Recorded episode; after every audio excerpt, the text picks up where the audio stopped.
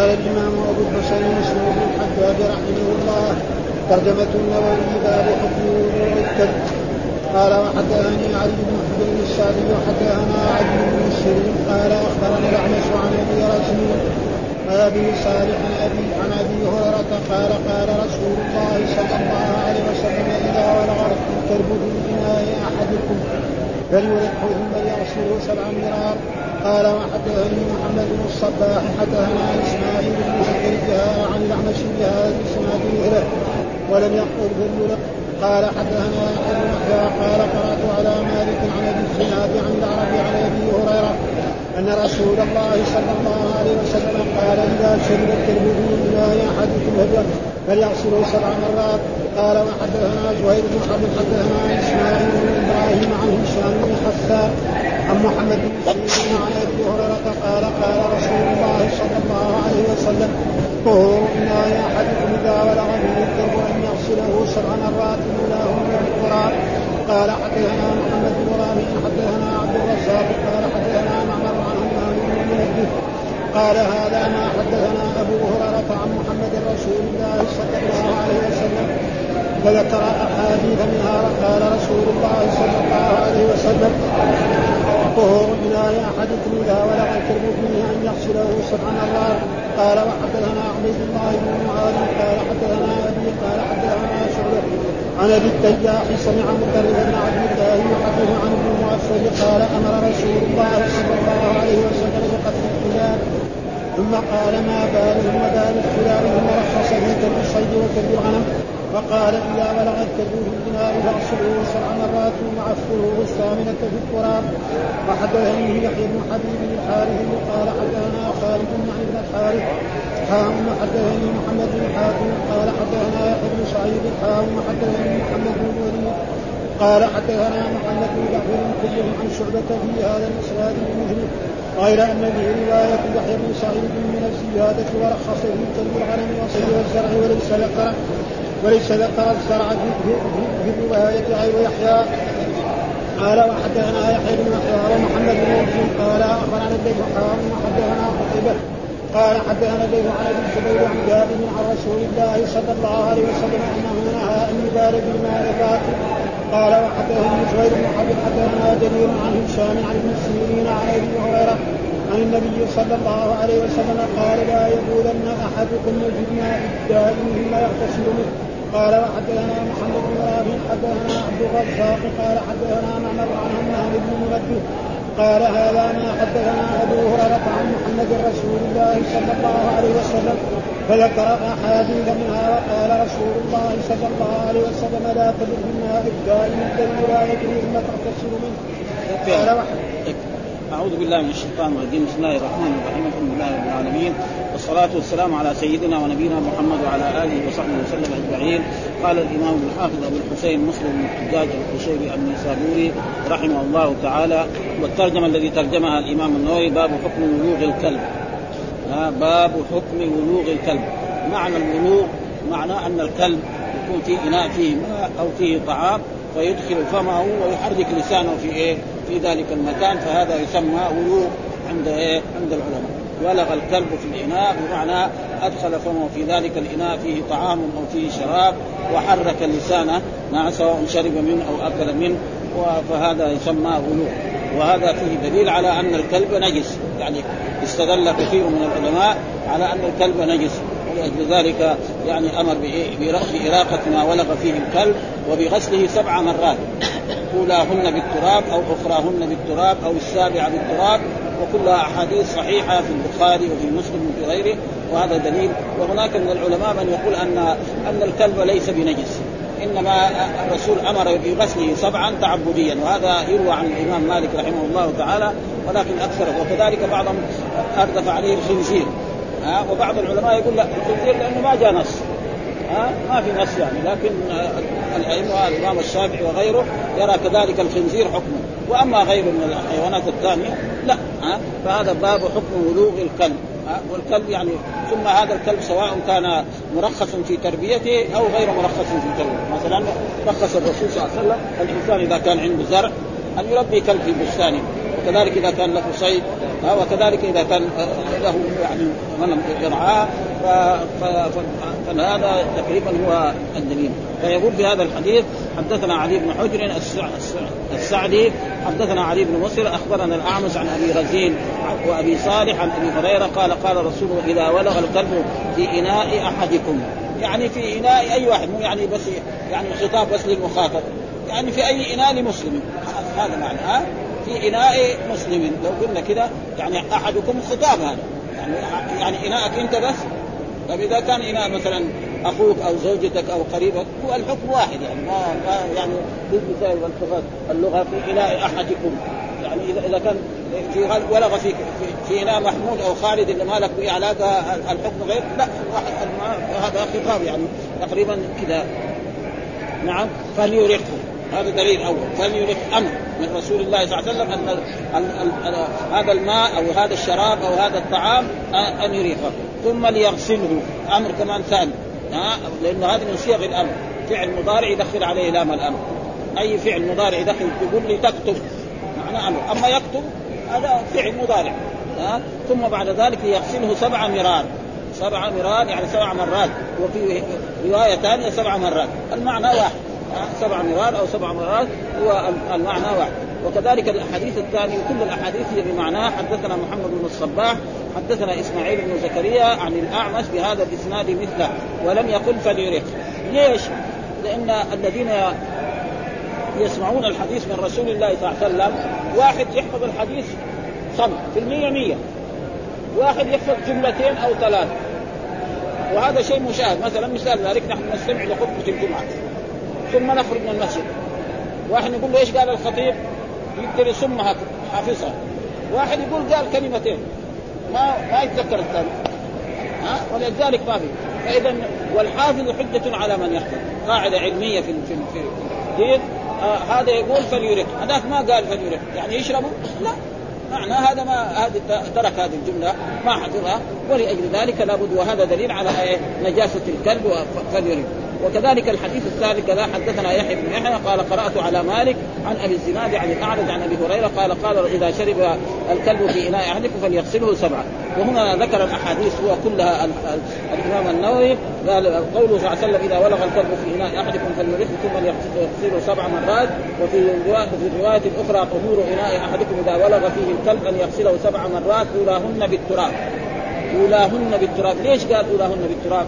لأن التراب هذا ينظف. وقد ثبت علميا يقول في الطب الحديث على أن التراب هذا يزيل جميع الميكروبات، لكن لو غسلوا بالصابون ولا بالتاي ولا بالبنزين يعني هذا إيه؟ يعني يعني حديث عن رسول الله صلى الله عليه وسلم وقد أثبته العلم الحديث، الطب الحديث أثبت هذا، ها إذا حط هذا جميع الميكروبات اللي كانت في فم الكلب يعني تهلك وهذا.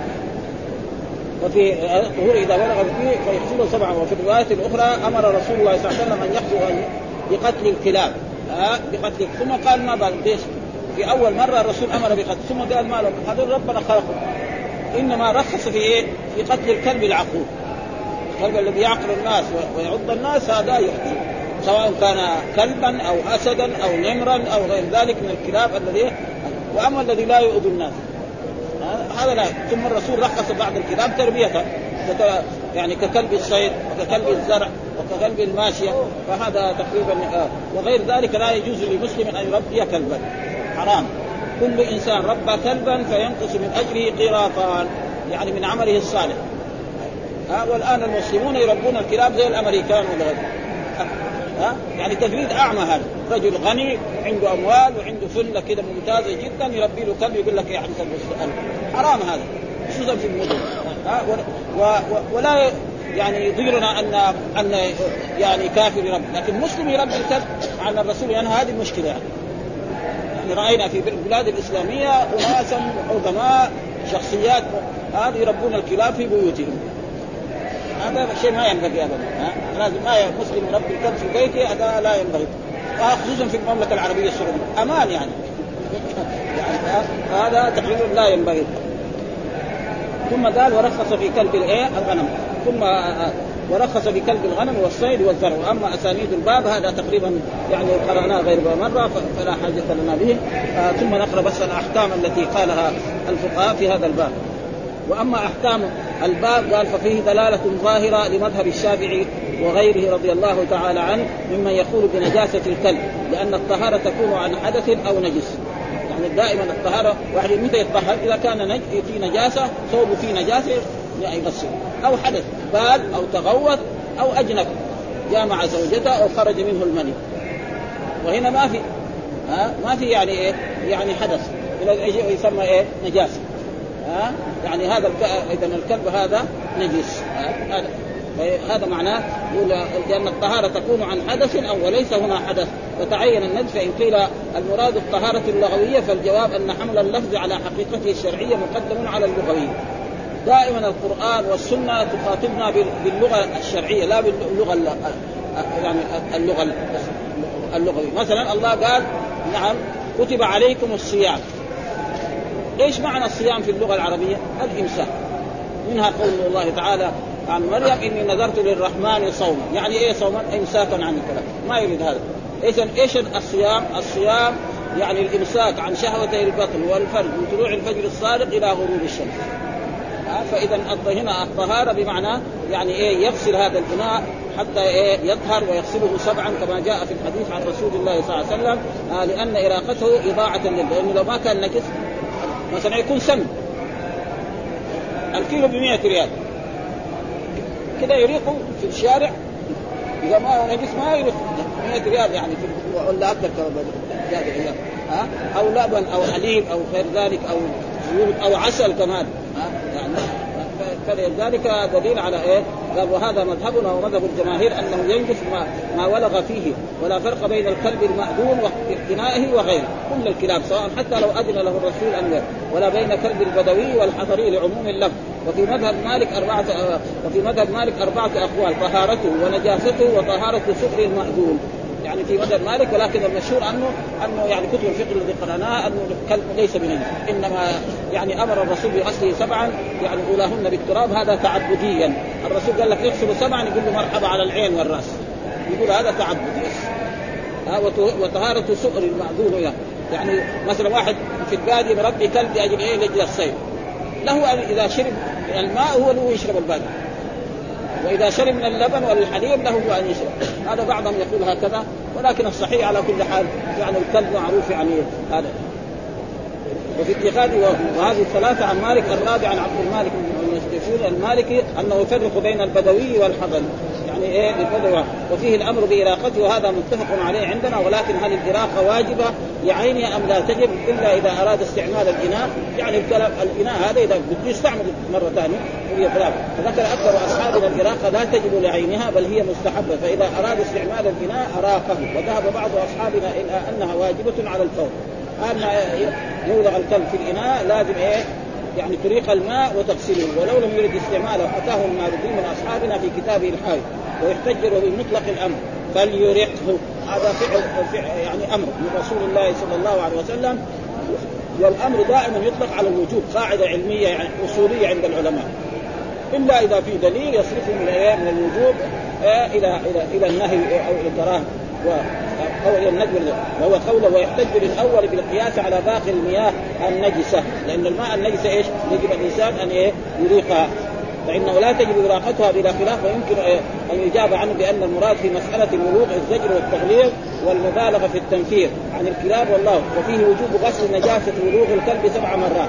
وهذا أمر من رسول الله يجب على المسلم أن ما يكفي غسلة ولا غسلتين ولا ثلاثة ولا أربعة وهناك بعض الأئمة الإمام أحمد يرى أن كل النجاسات تغسل ثلاثة. إلا الكلب فهي سبعا حسب إيه الحديث الوارد عن رسول الله صلى الله عليه وسلم. وهناك من العلماء من يرى إزالة النجاسه ها أولاهن بالتراب وفي رواية أخرى هن أو أولاهن وفي رواية سبع مرات السابعة بالتراب. ومعنى السابعة يعني يأخذ تراب كذا ويرميه في إيه؟ في الماء ثم يغسل. ها لو صابون ما يكفي. تاي ما يكفي. بنزين ما يكفي. ابدا ما يطهر. ابدا. ليه؟ لأن الرسول صلى الله عليه وسلم هو الذي إيه؟ وهو عالم بكل الأمور الذي علمه الله. وكان التراب قائم مقام غسلة وسميت سامي والله واعلم أنه لا فرق عندنا بين ولوغ الكلب وغيره من اجزائه يعني يعني حتى لو سقط شعره شوية مذهب الإمام الشافعي بهذا يعني فيه شدة أكثر. والإمام النووي الشافعي المذهب يعني. ها مقام يعني لو سقط مثلا سنه أو شعره أو شيء من ما يتعلق به فهذا فإذا أصاب بوله أو روثه أو دمه أو عرقه أو شعره أو لعابه كل هذا حكم واحد. ها؟ فإذا أصاب كذلك البول حق كل أو لو احرق أو أو دمه أو عرق أو شعره أو لعابه أو عضو من أعضائه شيئا طاهرا في حال رطوبة أحدهما وجب غسله سبع مرات إحداهن بالتراب. ولو ولغ كلبان أو كلب واحد في مرات في إناء ففيه ثلاثة أوجه لأصحابه، الصحيح أنه يكفيه للجميع سبع مرات، يعني ولغ الكلب الأول والثاني والثالث ثم بعد ذلك ما يقول له لا اغسل ثلاثة كلاب لازم 21 مرة، ما في حاجة. ها 21 مرة واحد. بكل ثوب ولو وقعت نجاسة أخرى في الإناء الذي ولغ فيه الكلب كفى عن الجميع سبعا. ولا تقوم الغسلة الثامنة ولا تقوم الغسلة الثامنة بالماء وحده ولا غمس الإناء في ماء كثير. يعني يحط في بركة كمان ما يكفي. لازم يحط إيه؟ ماء ويحط فيه إيه؟ التراب. مقام التراب على وفيه أن يقوم ولا يقوم الصابون ولا الإشمال وما أشبههما مقام التراب على الأصح. ولا فرق بين وجود التراب وعدمه على الأصح. ولا يحصل الغسل بالتراب النجس. هذا التراب يكون إيه؟ طاهر. على الأصح. ولو كانت نجاسة الكلب آه ولو نجاسة الكلب آه دمه أو روثه فلم يزل عينه إلا بست غسلات مثلا فهل يحسب ذلك ست غسلات أم غسلة واحدة؟ يعني يعني نفس النجاسة ما زالت. مثلا دم معلومه الدم يمسك في هذا وما أزال بالستة. لازم يغسل السبعة ويغسل كمان حتى إيه؟ حتى يزول. يعني لو فرض واحد مثلا كان دم كثير لكلب وغسل ست مرات وبرضه لسه الدم آثاره باقي. إيش يساوي؟ يقول لا بس السبعة وخلاص صار طاهر. ما دام عين النجاسة باقي. ما يكفي هذا. لابد إيه حتى يشيل عين النجاسه هذا معنى آه آه. ولو كانت نجاسه الكلب دمه أو روثه فلم يزل عنه إلا بست غسلات مثلا فهل يحسب ذلك ست غسلات أم غسلة واحدة؟ أم لا يحسب من السبع أصلا فيه ثلاثة أوجه اصحها واحدة؟ يقول وأما الخنزير فحكمه حكم الكلب كذا الإمام الشافعي. وما تولد منهما كمان الذي تولد من الكلب والخنزير حكمها. هذا كله هذا مذهبنا ومذهب أكثر العلماء أن الخنزير لا يفتقر إلى غسله إلى غسله سبعا وهو قول الشافعي. آه في الأول وهو وهو أقوى في الدليل وقال أصحابنا ومعنى الغسل بالتراب أن يخلط التراب في الماء. كذا لازم إيه؟ ما مثلا يساوي التراب لحاله حتى يتكدر حتى إيه؟ يتغير الماء. يعني يحط التراب في الماء فيصير إيه؟ لون الماء إيه؟ ما هو زي أول. هذا لابد إيه بهذه الطريقة حتى ينكدر ولا فرق بين أن يطرح الماء على التراب أو التراب على الماء، يعني يجوز أول يحط التراب بعدين يحط الماء، ويجوز بالعكس، أول يحط الماء بعدين يحط التراب. كله جائز. ها؟ أو بأخذ الماء الكدر من موضع ويغسل به. وأما مسح موضع النجاسة في التراب فلا يجزي أما مسح موضع النجاسة بالتراب فلا يجزي ولا يجب إدخال اليد في الإناء بل يكفي أن أن يلقيه في الإناء. ما يحتاج يعني يحط ويحرك بس يحط الماء ويغز ويحرك كذا بعدين يكب الماء. في السابعه أو في الثامنه ويكون بذلك إيه قد نظف يعني والأفضل أن يكون في الأولى. ولو ولغ الكلب في ماء كثير بحيث لم لم ينقص لم ينقص ولوغه عن قلتين لم ينجسه لأن الماء الكثير عند الإمام الشافعي وعند الإمام أحمد تقريبا ما كان قلتين. قلتين معناه كناية وعاء كبير وسيأتي بعد ذلك في أبواب إيش القلتين؟ يعني وعاء كبير فيه إيه؟ ماء. فهذا إذا سقطت فيه نجاسة بسيطة لا. وأما الماء القليل إذا وقعت فيه نجاسة مثلا الإبريق أو قدر صغير أو غير ذلك ولو نقطة من الدم أو نقطة من البول خلاص يصير نجس. وهناك مذهب من المذاهب يقول لا الماء طهور لا هذا ينجسه يعني ما لم يتنجس يعني يتغير لونه أو طعمه أو ريحه بنجاسة. وهذا هو مذهب الإمام مالك وهو أوسع المذاهب في المياه أوسع المذاهب وأسهلها في إيه؟ في المياه. يعني أي ماء إبريق دخل فيه مثلا دم. ما دام ما تغير لونه أو طعمه أو ريحه فهو ماء طهور هذا تقريبا مذهب يعني تقريبا يعني أعدلها واسهل أما المذاهب الثانية مثلا جاي يبغى يغتسل وسقطت نقطة دم أو بول طفل يعني طفل يأكل الطعام. خلاص الماء هذا لازم يكون. وهذا لكن يقول لا ما يكون. وتقريبا هو يعني والحديث زي ما قلنا ما يدل إلا على أن الماء له قسمان ماء طهور وماء نجس. أما ماء طاهر هذا أخذوه من إيه؟ يعني عشان ما يسمى مطلق. مثلا ماء الورد ما نسميه ماء نسميه ماء الورد. آه ماء الورد ماء الزعفران كذا وفي دليل يعني ذكر الشوكاني أن رسول الله صلى الله عليه وسلم مرة جاء ليغتسل من الجنابة وأخذ جفنة. وهذه الجفنه كانت أحد أمهات المؤمنين يعني عجنت فيه عجين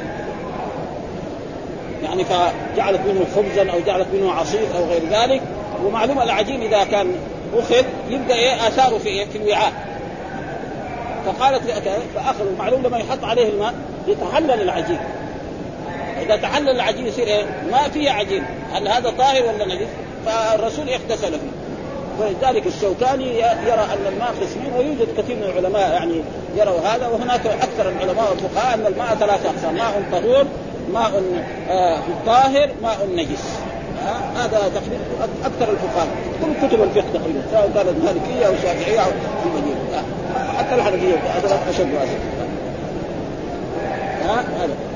قال ويستحب أن يكون التراب في غير الغسلة الأخيرة ليأتي عليه ما آه ما ينظفه والأفضل أن يكون في الأولى ولو ولغ الكلب في ماء كثير بحيث لم ينقص ولوغه عن خلتين لم ينجسه ولو ولغ في ماء قليل أو طعام فأصاب ذلك الماء أو الطعام آه، ثوبا أو بدنا أو إناء آخر آه، وجب غسله سبعا إحداهن كذلك يعني.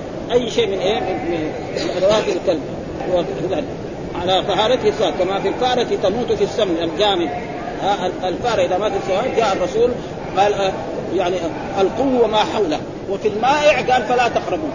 ها فإذا الفارة سقطت مثلا في ماء أو في سمن أو في زيت أو في غير ذلك.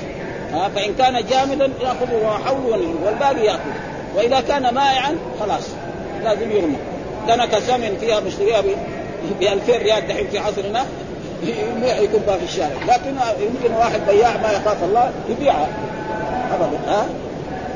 وأما قول أمر بقتل الكلاب ثم قال ما بعد المبارك ثم رخص في كلب في كلب الصيد وكلب الغنم ها؟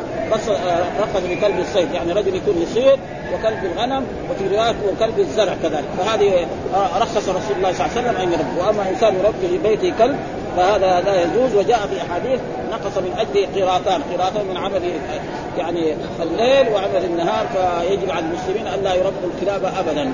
وإذا كان النصارى ربوا الكلاب نحن ما لنا شغل فيه. أول نقول لهم تعالوا قولوا لا إله إلا الله محمد رسول الله بعدين نقول لهم تعالوا لا تربوا الكلاب. أول ندعوهم إلى الشيء الأهم. ها؟ ها؟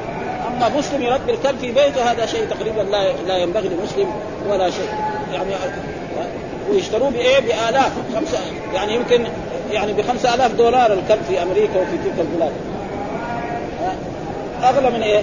يعني بعض السيارات ما تسوى 5000 القديمة. ماشي والصيد وهما جائز بلا خلاف. واختلف أصحابنا في اقتناء لحراسة الدور والدواب وفي اقتناء الجرو، الجرو يعني ولد الكلب. ها ليعلم ومنهم من حرمه لأن الرخصة إنما وردت في الثلاثه المتقدم. ومنهم من اباحه وهو الأصح لأنه في معناه. ها؟ يعني الحراسة في البيوت الظاهر انه ما يعني النصوص ما تدل على جوازه وان كان قال بعض العلماء. فقال أصحابنا إن كان الكلب عقولا وأما الكلاب لا تقتل.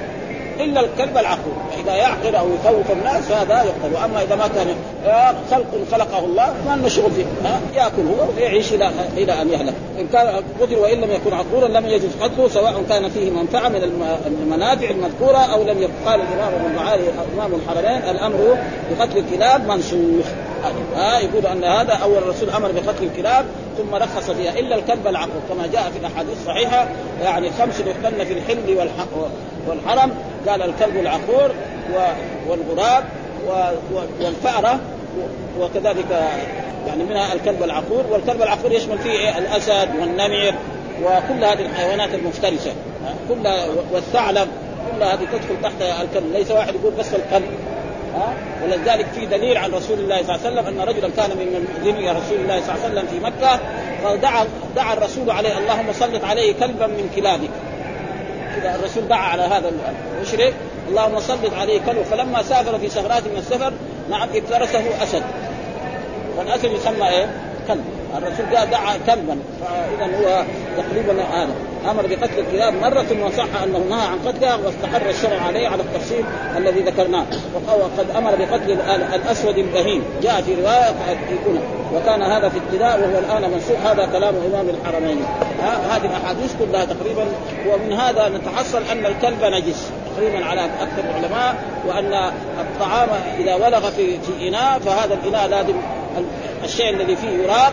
ويغسل سبع مرات وهذه السبع المرات يعني تقريبا هي الذي تنبه. ويكون أولاهن أو أو أخراهن بالتراب. هذا. وهذا هو تقريبا أشهر كلام. وهناك من العلماء من يرى أن الكلب ليس بنجس إنما الرسول أمر هذا تعبديا. ها؟ تعبديا. وهذا تقريبا يعني يقول به الإمام مالك والإمام مالك يعني مكانته معروفة وعلمه معروفة وهذا ثم ذكر ما هنا قال في حديث حدثنا عبيد بن معاذ حدثنا أبي حدثنا شعبة عن أبي التياح سمع مطرف بن عبد الله يحدث عن عن ابن المغفل قال أمر رسول الله بقتل الكلاب. أمر معنى أمر إيه؟ ثم قال ما بال وما بال الكلاب ثم رخص في كلب الصيد وكلب يعني يعني صار منسوخ. ها كلب الصيد رجل يصيد نعم لاولاده ولاهله بغزال أو غير ذلك وكلب الغنم الذي يكون مع الغنم. وإذا غلط وإذا ولغ الكلب في الإناء فاغسلوه سبع مرات وعفروه الثامنه بالتراب. عفروه يعني اجعل التراب في إيه؟ في داخل الماء. وحركته وحدثني يحيى بن حبيب الحارثي حدثنا خالد يعني بن الحارث حول الإسناد وقال حدثنا محمد بن حاتم حدثنا يحيى بن سعيد وحدثني محمد بن الوليد حدثنا محمد بن جعفر كلهم عن شعبة بهذا الإسناد مثله. غير أن رواية يحيى بن سعيد من الزيادة ورخص في كلب الغنم والصيد والزرع وليس ذكر الزرع في إيه؟ إلا في حديث يعني يعني وهذه هي العادة. يعني رجل يجيب زيادة في الحديث مقبول إذا كان ثقة. فهناك بعضهم بس ذكر إيه؟ كلب الصيد والزرع. وبعضهم ذكر الثلاث كلب الصيد الغنم والصيد والزرع. وبعضهم ذكر بس اثنين. الحافظ حجة على من يحفظ. قاعدة علمية يعني ها صحابي يقول يجيب زيادة.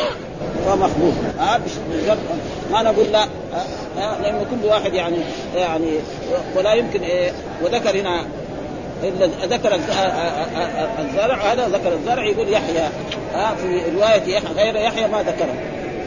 ثم وكذلك برضه حدثنا يحيى بن حبيب الحارث حدثنا خالد يعني حارث حدثني محمد بن محمد بن حاتم حدثنا يحيى بن سعيد حول الإسناد وقال حدثني محمد بن الوليد حدثنا محمد بن جعفر كلهم عن شعبة بهذا بمثله غير أن في رواية يحيى بن سعيد من الزيادة ورخص في كلب الغنم والصيد والزرع وليس ذكر الزرع في أحد الروايات إلا في إيه؟ رواية في رواية غير يحيى في رواية غير يحيى هو الذي ذكر فيها هذا.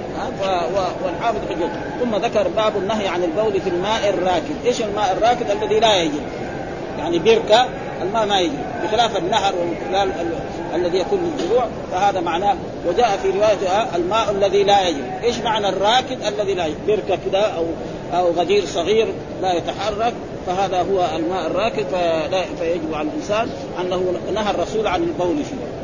ها نهر ليه؟ لأنه ولو ما تنجس يعني واحد إذا علم أن فلان بال في هذا ما يجي يتوضأ منه ولا يغتسل ابدا ها يتقزز منه مع إنه ما تغير لا لونه ولا طعمه ولا ريحه ابدا. طاهر هو الماء حكم شرعا والرسول نهى عن ذلك لئلا يتقزز الإنسان. أي مثلا واحد في بركه من البرك موجودة في بعض البلاد أو في بعض البساتين الآن يجي إنسان يبول فيها. ها؟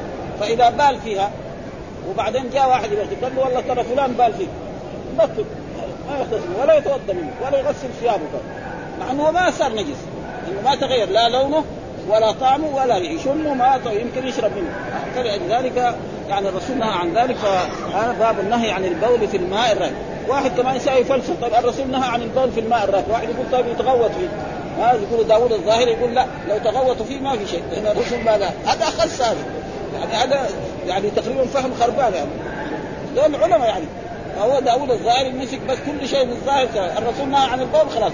ما يتغوط فيه معلش شد ما يصير هذا. خربانه يعني. حقيقه هذا اخس ها؟ فيعني شوية يعني.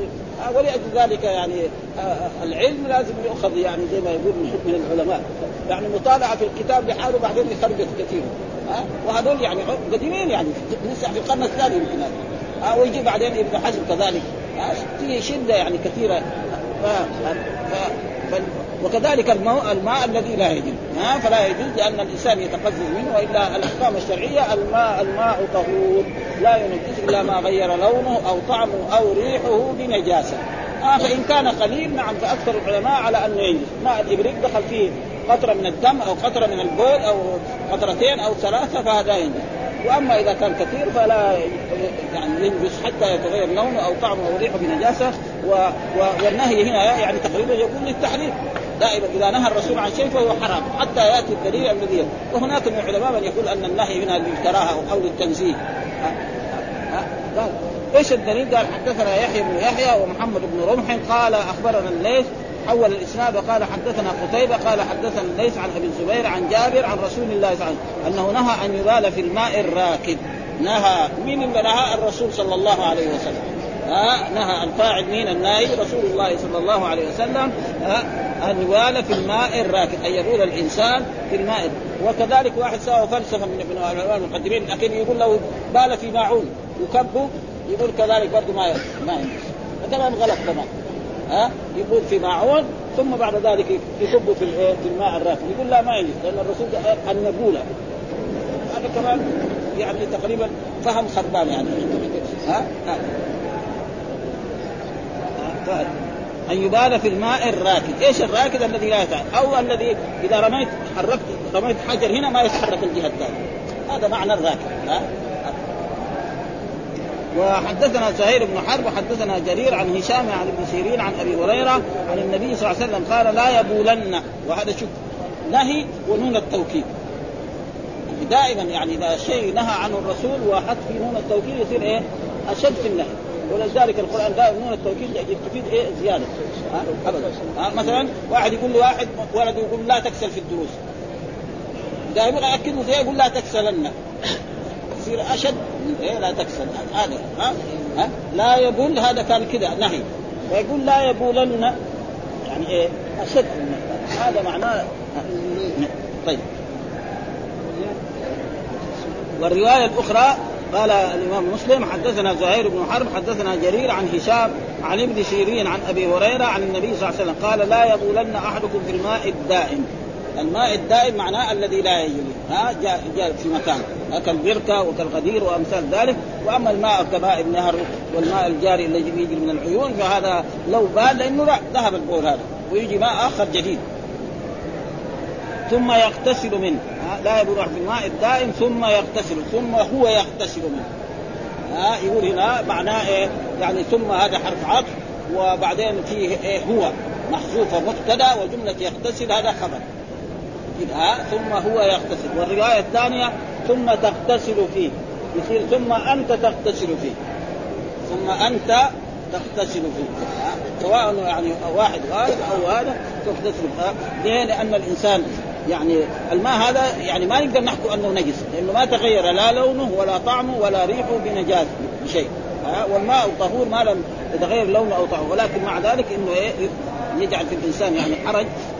وهذا فيه لو علم الإنسان أن فلان بال في هذا الماء فإنه لا يغتسل فيه ولا يتوضأ منه ولا يغسل ثيابه النجسة ولا يعني وحدثنا محمد بن رافع حدثنا عبد الرزاق حدثنا معمر عن همام بن منبه قال هذا ما حدثنا هذا يعني ما هنا اسم موصول يعني الذي حدثنا أبو هريرة. هذا الذي حدثنا به أبو هريرة عن محمد رسول الله صلى الله عليه وسلم فذكر أحاديث منها وقال رسول الله صلى الله عليه وسلم لا تبل في الماء الدائم. لا تبل بالنهي بس. ها لا تبل في الماء الدائم الذي لا يجري ثم تغتسل منه ثم أنت تغتسل منه. تغتسل هذا فعل مضارع خبر لمبتدأ محذوف تقديره إيه؟ ثم أنت هذاك في الأول ثم يغتسل فيه ثم هو يغتسل فيه. فيصير الجملة يعني لأنه ما في يعني عطف جملة على جملة لأنه هذيك جملة نهي وهذه غير. يعني لأنه لو عطفناه على على على لا تبن يعني لا تغتسل لو عطفناه قلنا مثلا مجزوم يصير ثم لا لا تغتسل والأمر ليس كذلك. مو على ثم أنت تغتسل في جملة جديدة. لأن ما جملة على جملة يعني ما لها علاقة بإيه؟ أول هناك لا تبل في الماء الدائم. خلاص نهي من رسول الله صلى الله عليه وسلم الذي لا يجري. بعدين ثم أنت تغتسل. يعني بعد ما نفسه هو يبول في الماء الدائم ثم هو بنفسه يغتسل. يعني تقريبا ما ها؟ ها؟ فهذا في نهي من رسول الله صلى الله عليه وسلم. أنت ولا تغتسل أنت أنت ولا في أنت؟ لا ما فيها ما تعط بس إنما الجملة عشان تصير صحيحة. أنت ما نحطها نحن ها؟ لكن هي المراد به ثم أنت تغتسل ها؟ ما في يعني ما نحط يعني ومعروف أن المبتدأ يحذف كثير في اللغة العربية ها؟ هذا. وهذاك الأولاني كذلك ثم هو ها؟ ها؟ يعني أنت أيها ال- الذي بال في الماء الدائم الذي لا يجري يعني منهي عن أن تغتسل فيه. نفسك أنت. لأنه واحد يقول هذا بولي. وما تغير لا لون ولا طعم ولا ريح طاهر الماء كذا. ها؟ دحين رجل بال في الماء في البركه ثم بعد ذلك هو يقول هذا ما طاهر آه، يغتسل فيه. فهل يجوز له؟ الرسول نهى ها؟ صلى الله عليه وسلم أن يغتسل فيه. لا تغتسل خلاص. ما دام ولو علم إنسان آخر أن فلان بال فيه ما يرضى ابدا. مع أن الماء إيه ما نقدر نقول نجس. الماء طهور يعني لأنه ما تغير لا لون ولا طعم ولا ريح. نجاسه فلذلك يعني يقال فيها هذا. فيقول في هذه الروايات قول فيه قول صلى الله عليه وسلم لا يبولن أحدكم في الماء الدائم ثم يغتسل منه. وفي الرواية الأخرى لا يبول في الماء الدائم الذي لا يجري ثم يغتسل منه. وفي الرواية الأخرى نهى أن يبال في الماء الراكد رواية يغتسل مرفوع أي لا تبل ثم أنت تغتسل. ها؟ بين كده. الرواية تغتسل لا تبل ثم أنت تغتسل وذكر شيخنا أبو عبد الله بن مالك رضي الله أنه يجوز أيضا جزمه عطفا على موضع يبول. على موضع يبول ها؟ موضع يبول قبل آه يعني قبل دخول الجازم مرفوع. لأن يعني الفعل المضارع اصله قبل لا يدخل عليه الجازم إيه؟ مرفوع. هذا معناه ها؟ موضع يبول ونصبه بإضمار أن. هذا كذلك لو نصبه يقول أعطاه ثم حكم حكم واو الجمع. فأما الجزم فظاهر وأما النص فلا يجوز أنه يقتضي أن النهي عنه الجمع بينهما دون إفراد أحدهما وهذا لم يقله أحد بل القول فيه منهي عنه سواء أراد الاغتسال فيه أو منه أم لا والله أعلم. يعني لا اثنين كلها منهي عنه. ها؟ يعني لا يبول في الماء الدائم الذي لا يجري وكذلك لا يغتسل.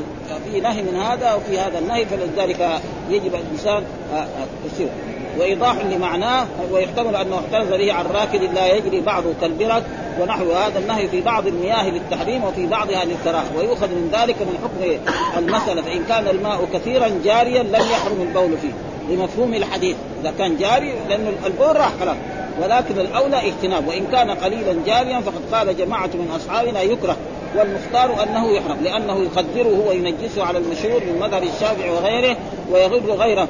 ها فيستعمله مع أنه نجس.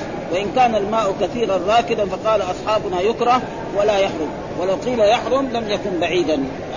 لأن الماء ومعلوم إيش الماء الكثير في مذهب الشافعي؟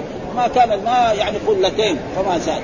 إيش قلتين دحين ما بالرطب إيه وسيأتي في آه يعني كناية عن برميل الآن. برميلين من الدواوين الكبيره هذه تقريبا يكون ما يقرب من, من هذا. ها فالنهي يقتضي التحريم على المختار عند المحدثين والأكثرين من أهل الأصول. ها وفيه من المعنى أنه يقدره وربما أدى إلى تنجيسه بالإجماع لتغيره أو إلى تنجيسه عند أبي حنيفة ومن وافقه في أن الغدير الذي الذي يتحرك بتحرك طرف آخر ينجس. ان القدير الذي يتعرض لأنه هذا كذلك مذهب يعني شديد. أو إلى تنجيسه عند أبي حنيفة ومن وافق في أن الغدير الذي لا يتحرك بتحرك طرف آخر ينجس. يعني الغدير كده إذا رمى هناك حجر ما يتحرك الجهة الثانية. يقول لك خلاص هذا يصير إيه؟ نجس. ولذلك مذهب الإمام مالك في المياه هو اعلى المذاهب وأسهلها أنه أبدا الماء طهور حتى يتغير لونه أو طعمه أو ريحه أو بنجاسة. ها؟ بنجاسة هذا. وهذا اللي موجود في في, في الأحاديث عن رسول الله صلى الله عليه وسلم إنه يحرم البول فيه ونقدر ناخذ والصواب المختار أنه يحرم البول فيه لأنه ينجسه ويتلف ما ماليته ويغر غيره.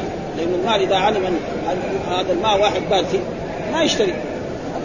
ولا ولا يرضى الله. وقال أصحابنا وغيرهم من العلماء والتغوط في الماء كالبول.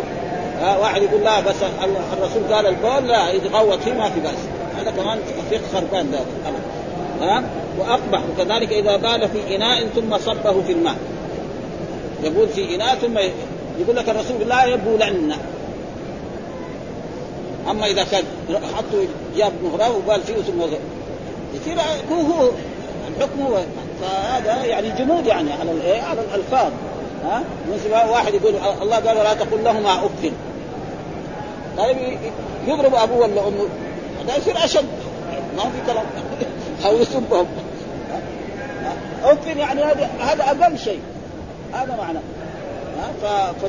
ف... فالفقه لابد من الفهم. يعني لازم الفهم الأحاديث فاذا فهم وهذول يعني تقريبا علماء ولكن يعني تقريبا يعني خالت الذاكرة أو حقيقة ما تأدبوا مع العلماء. مثلا ابن حزم عالم ما حد يقدر ينكر يعني. وقد قال العلماء أن كتاب المحلى هذا يعني أي طالب علم أو عالم يعني ما قرأه ودرس فيه ما يقدر يعرف إيه أدلة الأئمة إلا بهذا الكتاب. لكن شوية سميط اللسان يعني. يتكلم عن الأئمة. يقول فلان كذا زي مالك والشافعي ما هو ما هي آداب يعني علمية يعني. وإلا يعني رجل إذا وصل ولكن يعني يخاف منه الكتاب. واحد يقرأه بعد ذلك يتجرع على الأئمة. كتاب ما هو سهل. قال وكذلك إذا بال في إناء ثم صبه في الماء وكذا إذا بال بقرب النهر بحيث يجري إليه البول. يجري الماء فكله مذموم صريح منهي عنه على التفصيل المذكور. ولم يخالف في هذا من العلماء إلا ما حكي عن داوود بن علي الظاهري. داوود الظاهري يقول ابدا. واحد إذا كان تغوط في الماء في الماء الراكد يقول ما طهر لأن الرسول نهى عن البول. وإذا كان بال في وعاء يصب في الماء الراكد أنه طاهر لأن الرسول نهى عن إيه؟ عن البول وهذا تقريبا فهم يعني وهذا الذي ذهب إليه خلاف إجماع العلماء وهو أقبح ما نقل عنه في الجنود على الظاهر والله أعلم. وقال العلماء ويكره البول والتغوط بقرب الماء وإن لم يصل إليه لعموم نهي النبي صلى الله عليه وسلم عن الدراسه في الموارد. الموارد معناه المحل الذي يأخذ الناس منه الماء. ها؟ فيه من ايذاء المارين بالماء ولما يخالف من وصوله إلى الماء والله أعلم. وأما وأما انغماس من لم يستنجي في الماء ليستنجي فيه فإن كان قليلا بحيث ينجس بوقوع النجاسة هو حرام. يعني رجل بال أو تغوط وما استنجى ويروح يقع في بركة. إيش الحكم؟ فعلى كل حال إذا كان قليلا النجاسة. وهناك الذي يقول ما لم يتغير لونه أو طعمه أو ريحه وأما انغماس من لم يستنجي في الماء ها ليستنجي من لو ليستنجي فيه فإن كان قليلا بحيث ينجس بوقوع النجاسة فيه وحرام لما فيه من تطيب النجاسه وتنجيس الماء. وإن كان كثيرا لا ينجس بوقوع النجاسة فإن كان جاريا فلا بأس. ان كان راكدا فليس بحرام ولا أو كراهة لأنه ليس في معنى البول ولا يقاربه. ولو اجتنب الإنسان هذا كان أحسن والله أعلم. ها؟ الانسان يجتنب هذه الأشياء لأن يقدر الماء على غيره. واي انسان علم أن فلانا بال في هذا الماء الراكد لا يغتسل منه ولا يتوضأ منه ولا يشرب ابدا ولا يغسل ثوبه النجس هذه ابدا أشياء معروفة إذا الإنسان لا يؤذي غيره وهذا من الأذية لا ضرر ولا ضرار الرسول نهى عن؟ اضرار الناس بالايه؟ بالأشياء اللي مثل هذه فيجب على الإنسان أن يحترز من هذه الأشياء وهذا ثم ذكر الباب هذا زي الأحاديث الأولى يعني هي هي تقريبا باب النهي عن الاحتزال في الماء الراكد. ها لكن إيه لكن وهو جنب يعني. يعني هنا باب النهي عن الاغتسال في الماء الراكد وهو جنب. ف... يعني فإذا إيش الطريقة إذا كان ماء راكد؟ يأخذ في وعاء ويغتسل. ها؟ ما إيه ما ها ها ها, ها؟ إيش الدليل؟ قال حدثنا هارون بن سعيد الايلي وابو الطاهر واحمد بن عيسى جميعا عن ابن وهب. قال قال هارون حدثنا ابن وهب قال أخبرني عن بن حارث عن بكير بن الاشج أن أبا السائب مولى هشام بن زوره حدثه أنه سمع أبا هريرة يقول قال قال قال رسول الله صلى الله عليه وسلم يقول قال رسول الله صلى الله عليه وسلم لا يغتسل أحدكم في الماء الدائم وهو جنوب ها؟ هناك ما ذكر إيه وهو جنوب يعني سواء كان اغتسال للجمعة أو للعيد أو للتبرد أو للنظافة. هذا داخل دحين لا هنا ذكر إيه زيادة علمية وهي إيه وهو جنب فقال كيف يفعل يا أبا هريرة؟ طيب هو جنب وهذا ما راكد إيش قال يتناوله تناولا. يعني يغرف منه يأخذ من وعاء بر بعيد ولا يأخذ في ماعون ويروح يغتسل في الجنة هذا معناه يتناول. يعني لا يدخل في الماء إيه الراكد هذا الذي في البركة أو في هذا في الغدير ويغتسل منه من الجنابه إنما يتناول تناول فيكون عنده وعاء عنده مغراب عنده زبديه يأخذ من هذه الزبديه أو في سطر ويأخذ في جهة من الجهات ويغتسل. أما يسقط في الماء فهذا في نهي من رسول الله صلى الله عليه وسلم لأنه إيه يقدس لا يغتسل. وهنا كذلك هنا يجوز لا يغتسل ولا يغتسل كل واحد. لا يغتسل نهي لا يغتسل نفي والنفي أبلغ من النهي. ها؟ يعني هذا الحديث لو قريناه لا يغتسل صحيح. ها؟ لا نافي ويغتسل فعل مضارع مرفوع. بالضم يرد على الناس ولا يغتسل نهي. والمعنى صحيح. والنفي أبلغ من النهي. الدائم في اللغة العربية. ها؟ أحدكم في الماء الدائم وهو جن. فقال كيف يفعل يا أبو هريرة؟ طيب إيه؟ ما في لا. قال يتناوله ها؟ يأخذ في وعاء ويغتسل منه. تناولا. وهنا ذكر لا يغتسل أحدكم من ماء وهو قال كيف يفعل يا أبا قال يتنا قال أبو أما أبو السائب فلا يعرف اسمه أما أحكام المسألة فقال العلماء من أصحابنا وغيرهم يكره الاغتسال في الماء الراكد قليلا كان أو كثيرا وكذا يكره الاغتسال في العين الجارية كذا يكره الاغتسال في العين قال الشافعي رحمه الله تعالى لا يجب وقال الشافعي وسواء قليل الراكد وكثير أكره الاغتسال فيه وهذا نص وقد صرح أصحابنا وغيرهم بمعنى وهذا كله على كراهة التنزيه لا التحريم ها على انه إيه يعني وإذا اغتسل فيه من الجنابة فهل يصير الماء مستعملا؟ إذا اغتسل فيه من الجنابة هل يصير هذا الماء مستعمل؟ الجواب بعضهم يقول ما, ما يصير مستعمل وبعضهم يقول يصير مستعمل هذا انه في نهي أن الإنسان ما يتوضأ بالماء المستعمل، يعني رجل يتوضأ أو يغتسل من الجنابة نعم ثم هذا الماء في وعاء هل له أن يغتسل فيه؟ الجواب يعني لا ها توضا وكل الماء يريد ويجي آخر فيه. أو هو نفسه يتوضأ فيه. فهذا يجوز هذا أو لا يجوز؟ لأن الماء قاعدة عندنا علمية وهي الماء طهور. ما لم يتغير لونه أو ريحه أو طعمه بإيه؟ بنجاسة. بهذا النص فإذا ما تغير لونه أو طعمه أو ريحه بنجاسة فالعلماء يخافوا. يقول نجس. فبعضهم لما يرى هذا يقول إيه؟ يكره. كراهة التنزيل لأن القاعدة العلمية الماء طهور ويكفي ذلك قصة سيأتي بعدين قصة بئر بضاعة. بئر بضاعة يعني معروف كانت بئر بضاعة يعني كانت معروفة في نص بضاعة وكان يرمى فيها النتن ويرمى فيها كذلك الأوساخ. وهذا فسألوا الرسول صلى الله عليه وسلم قال قال لهم الرسول الماء طهور. والنتن معناه إنه مثلا كانت حول الناس مثلا دخلوا ما عندهم كنوز يعني مثلا يروح الواحد يتغير يتغوط في جهة من الجهات فلما يجي المطر ويجي السيل والبير هناك يجي الماء ده اللي يجري في الشارع ده يجي يدخل في البير ها؟ ها؟ ها؟ الرسول رخص لهم. وقال كمان يرمى فيها النتن، النتن فسروه بعض إيه؟ الخرق حق الحيض. مثلا المرأة لما تحيض وعندها خرق ما تخلي أحد يشوف هذه الخرق. بعدين تشيلها ترميها في الشارع. ولا ترميها في جهة من الجهات يعني. ابدا. فهذه الخرق مثلا لما يجي المطر ولا يجي السيل حول هذا تجر المطر ويجر السيل ويدخلها في البير فهل هذا البير يعني نجسة؟ الجواب لا. وسيأتي هذه أبحاث يعني في الابواب التي بعد هذا يعني هذا. ها في الماء الراك صرح أصحابنا وغيرهم وهذا كله على كراهة التنزيل ما يقولوا يعني إيه نجس الماء. ها؟ لا التحريم. وإذا اغتسل فيه من الجنابه فهل يصير الماء مستعملا فيه؟ هذا تفصيل معروف عند اصحابنا وهو أنه إن كان الماء قلتين فصاعد لم يصير مستعملا إذا كان قلتين وقلتين معناه يعني وعاء كبير تقريبا يعني كفايه عن عن وسيأتي بعد ذلك يعني قد إيش آه القلتين يعني وان كان الماء قلتين فصاعد لم يصير ولو ولو اغتسل فيه جماعات في أوقات متكررة. وأما إذا كان الماء دون القلتين فإن انغمس فيه الجنب بغير نيه ها ثم لما صار تحت الماء نوى ارتفعت جنابته وصار الماء مستعملا يعني أول رمى نفسه ثم بعد ذلك دخل في داخله يقول يعني ارتفعت الجنابة وصار الماء مستعملا وإن نزل فيه إلى ركبتيه مثلا ثم نوى قبل لباس باقيه صار الماء في الحال مستعملا بالنسبة إلى غيره. وهذه تفصيلات يعني من الفقهاء. يعني هذا. وارتفعت الجنابه عن ذلك القدر المنغمس بلا خلاف. وارتفعت أيضا عن القدر الباقي إذا تم رأسه على المذهب الصحيح المختار المنصوص المشهور لأن الماء إنما يصير مستعملا بالنسبة إلى المتطهر. ها إذا انفصل عنه. وهذا ما انفصل. المتطهر معناه يتوضأ أو يغتسل ويبقى شيء. هذا هو ما سوى هو دخل في البركة. فيقول إنه إيه ما يسمى هذا. ولا يرتفع والصواب الأول وهذا إذا تم بالراس من غير انفصال فلو انفصل ثم عاد إليه لم يجزئه ما ما يفسده بعد ذلك بلا خلاف. ولئن انغمس رجلان تحت الماء الناقص عن قلتين إن تصور ثم نوى دفعة واحدة ارتفعت جنابتهما وصار الماء مستعملا فإن نوى أحدهما قبل الآخر ارتفعت جنابة النار وصار الماء مستعملا وهذه تقريبا بالنسبة إلى ومعلوم آه يعني الوضوء من الماء المستعمل حرام ما هو حرام؟ مكروه يعني يعني العلماء ما قالوا إنه حرام في إيه؟ هذا. فلا يرتفع جنابته عن مذهب المسيح وفيه وجه شاذ أنه ترتفع. والحديث تقريبا لا يغتسل في الماء الدائم ومن يتناوله.